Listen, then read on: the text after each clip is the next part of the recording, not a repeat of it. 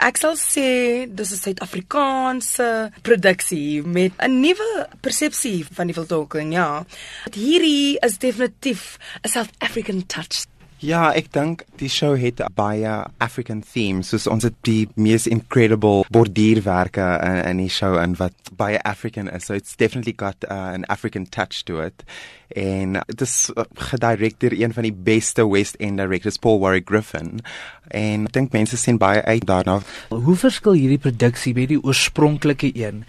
Oorspronklik was dit geskryf vir 'n skoolkonsert. Vir my Die verskil is hoe 'n nuwe generasie hierdie storie gaan nou weer in hulle harte inneem. Ons is in die tyd waar ons land so bedrywig is en mense soek antwoorde en mense is kwaad.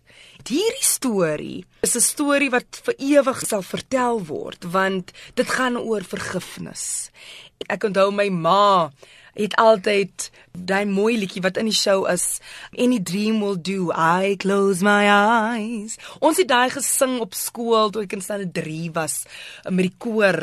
En dis die, die tipe liedjies waar ons mee groot geword het. En nou vind jy jy's ouer jy vind jouself in 'n land waar soveel goedes aangaan hierdie stories is so belangrik om vir ons mense te sê en dat hulle moet sien dat there is an outcome. Ja, en ek dink baie van die temas in die show is baie universeel.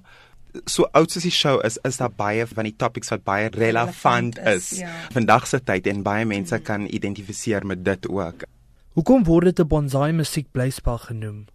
Wel 'n bonsai beteken dat dit 'n kleiner weergawe is van 'n groot musiekblyspel. So alhoewel dit 'n bonsai musical is, het ons al die elemente van 'n groot musical. Dit affek meer vir ons wat op die stage is, want die verhoog is so klein. Ons het 21 mense. So die spasies waar ons mee werk, backstage waar die mense nou nie kan sien nie, dis verskriklik klein. Ons moet mekaar kyk aantrek, uittrek. Maar in hierdie bonsai moet jy met jou mense kan deel met jou akteurs, moet jy daai spasies. Van die broers het baie kostuumveranderinge. Ek is baie fortunate dat ek net tussen twee of drie kostuums ja. het. Dit is regtig dit is 'n groot ja, dit is 'n groot task vir ons wardrobe mistress. Hoe word die koreografie dan op sulke skaal aangepas? Dit is ook nog as baie van 'n challenge vir die spasie op die verhoog is baie baie klein. So jy moet baie versigtig wees dat jy nie mense raakslaan soos jy nou jou dance moves doen nie. Die stage is die Bybel. So dit lyk soos 'n boek wat oopgemaak word en op die vloer is daar skryfwerk. Uh, so dit lyk asof jy deur die Bybel lees, jy weet. Ja. So it's this book coming to life. Ja, en ons kom nou uit die boek uit. Ja. En ek dink wat dit baie nice maak vir mense is omdat dit so intieme spasie is, gee dit die gehoor, die gevoel dat hulle ook deel van die, van die van die ja. show is en ek dink ja. dit is wat Bonsai's baie spesiaal maak. So ek dink die show is regtig 'n uh, reinvent vir 'n jonger gehoor gehoor mm. which is exciting. En vir 'n Suid-Afrikaanse gehoor sal ek sê. En Earl, dit is nie jou eerste keer wat jy hierdie rol vertolk nie. In 2005 het jy hom ook vertolk en daarvoor ook 'n Naledi gekry. Maar hoe vereenselwig jy jou met jou karakter?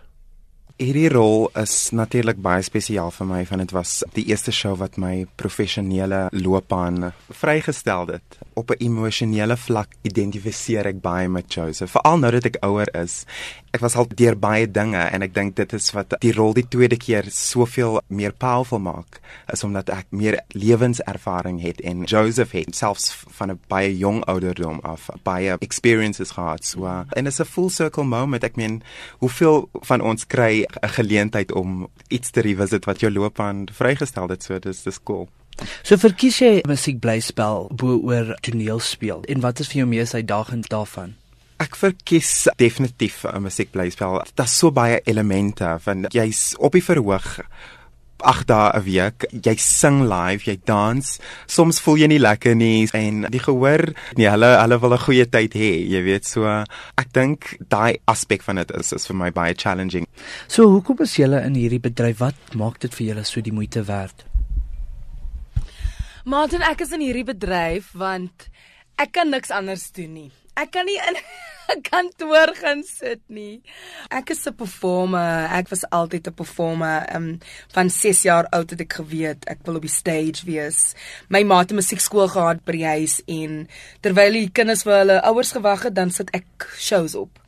Dis sulke uh, memories wat ek aanklou as dinge so swaar gaan. Ek hou van dat mense na ons shows kan kom en hulle kan net vergeet en hulle kan net in 'n ander wêreld. Dit is soos 'n boek lees. Jy weet of musiek luister. Jy kan jouself net transport na 'n ander plek toe. Wat so lekker is van musiek bly spel is dit combine sommer al daai sang, dans, acting. Jy moet jou hele self daarin sit. En dit is vir my die lekkerste ding in die wêreld. Die songs, die mense ken die liedjies. Daar's baie keer mense wat daar sit. En aan die begin toe ek hierdie produksie doen, was dit maar nou moeilik om al die colors van die colors is verskriklik ja. baie. en die name van die 12 broers. Maar nou sit daar iemand in die gehoor en hulle sing daai woorde. Ja, baie mense woord is baie familier. Ja.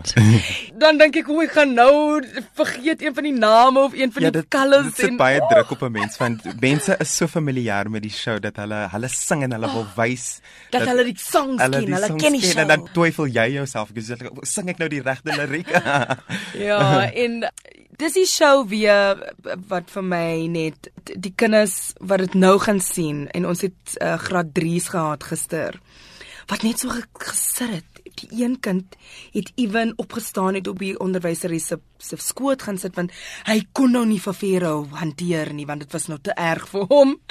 En party van die kinders was nog nooit in die teater so die klanke is te hard en die liggies is te, te Dis baie stimulerend. Ja. There's a lot of visual stimulation. So jy kry daai kinders wat net kyk en hulle reageer nie. En dan kry jy die kinders wat natuurlik net taal uit hulle bokse uitkom ja. en hulle skree en hulle comment en hulle gaan aan. So ek weet hierdie show as dit weer as hulle dit weer sien in 20 jaar se tyd sal hulle ons onthou. En na jou na Lady, het dit meer druk op jou geplaas om meer musiekblyspel te doen? Dit was altyd 'n droom vir my om musiekblyspel te doen. Toe ek musiekblyspel doen, het ek 'n nuwe Bianca gesien. 'n uh, Aktrise het uitgekom saam met David Krame gewerk wat natuurlik een van my grootste drome was. In die industrie kan 'n mens in verskillende sektes gaan en maar musiek sal altyd my eerste liefde is. En in 2014 het jy jou eie een geskryf en dit uitgebeeld op die verhoog van die Baxter Theater. Is dit iets wat jy jouself nog sien doen? Ja, ek ek skryf nog op baie shows en ek het nog baie van my shows het ek gedoen is Bianca and the Swing Sisters wat ek by Carnival City nog in 2004 en 5 gedoen. 2014 het ek Bianca Revealed gedoen by die Baxter Theater wat vir my so lekker opportunity vir die Kaapse audience net vir Bianca nie Bianca Idols kan wys nie want ek dink dis 14 jaar later ek het so baie al gedoen. Ek Ek wil baie graag meer skryf. Ek wil baie graag meer shows opsit. Dis vir ons baie belangrik om 'n goeie show te gee vir die mense. Ek dink ook wat vir my baie spesiaal is is in, ons kry baie mense wat na die tyd vir ons sê ek het 'n baie tawwe dag gehad by die werk vandag en toe ek in die gehoor sit en ek het die show gekyk, was dit vir my so spesiaal om net te vergeet van my probleme en ek dink dit is die die kraks van hierdie storie van Joseph se storie. It's to continue dreaming. Jy mm. weet, um die lewe is soms so taaf en ons gaan deur so baie stres en as jy altyd vashou aan jou drome, mm. is enige iets moontlik. Mm. Ja. Mm. Dit is regtig 'n platform vir jou kreatiwiteit en jy kan net verlore raak in in daai wêreld en van 'n baie jong ouderdom af. Ek het gesing in die kerk in en hoërskool revue en elke keer as ek op die verhoog is, voel ek net ek is by die huis. Um there's nothing else I really would want to do besides doing this.